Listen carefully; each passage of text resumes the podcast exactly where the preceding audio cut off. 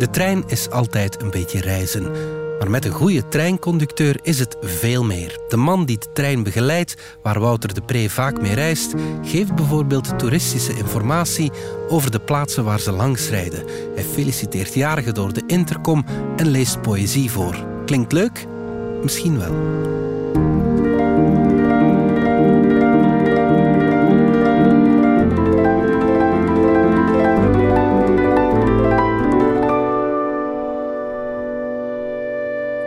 Applaus begon wat aarzelend, maar al gauw klapte de hele wagon enthousiast in de handen.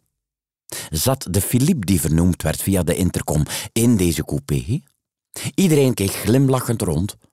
De conducteur had ons net wild aangespoord om de handjes op elkaar te zetten voor genaamde Philippe, die onderweg was naar zijn laatste werkdag voor hij op pensioen ging. Philippe zat niet in onze wagon, of als hij erin zat, klapte hij enthousiast mee in de hoop incognito te blijven. Nee hoor, in de coupé naast ons werd een fles champagne ontkurkt om negen uur s ochtends. Philippe zat grijsharig en gecharmeerd verlegen te glimlachen.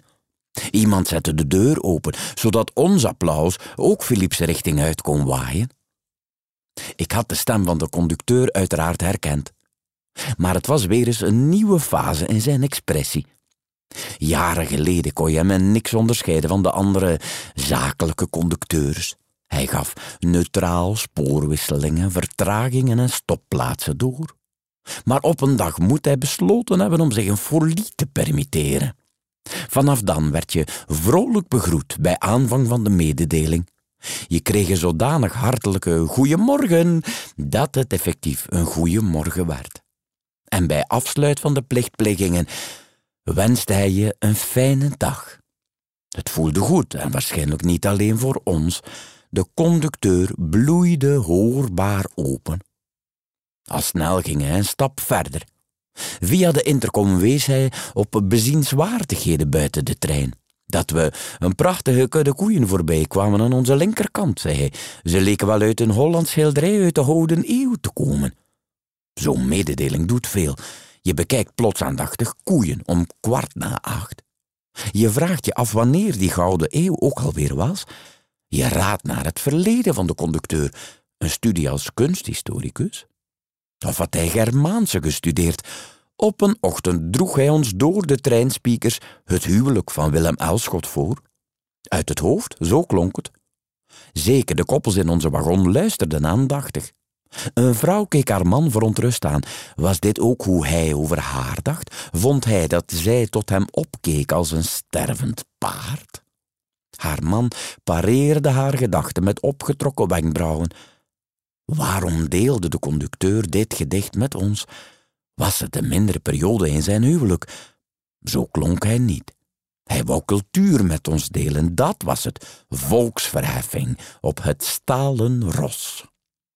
Kreeg hij commentaar dat zijn intercomkunst wat te zwaar op de hand werd? In elk geval maakte hij daarna een volksere periode door.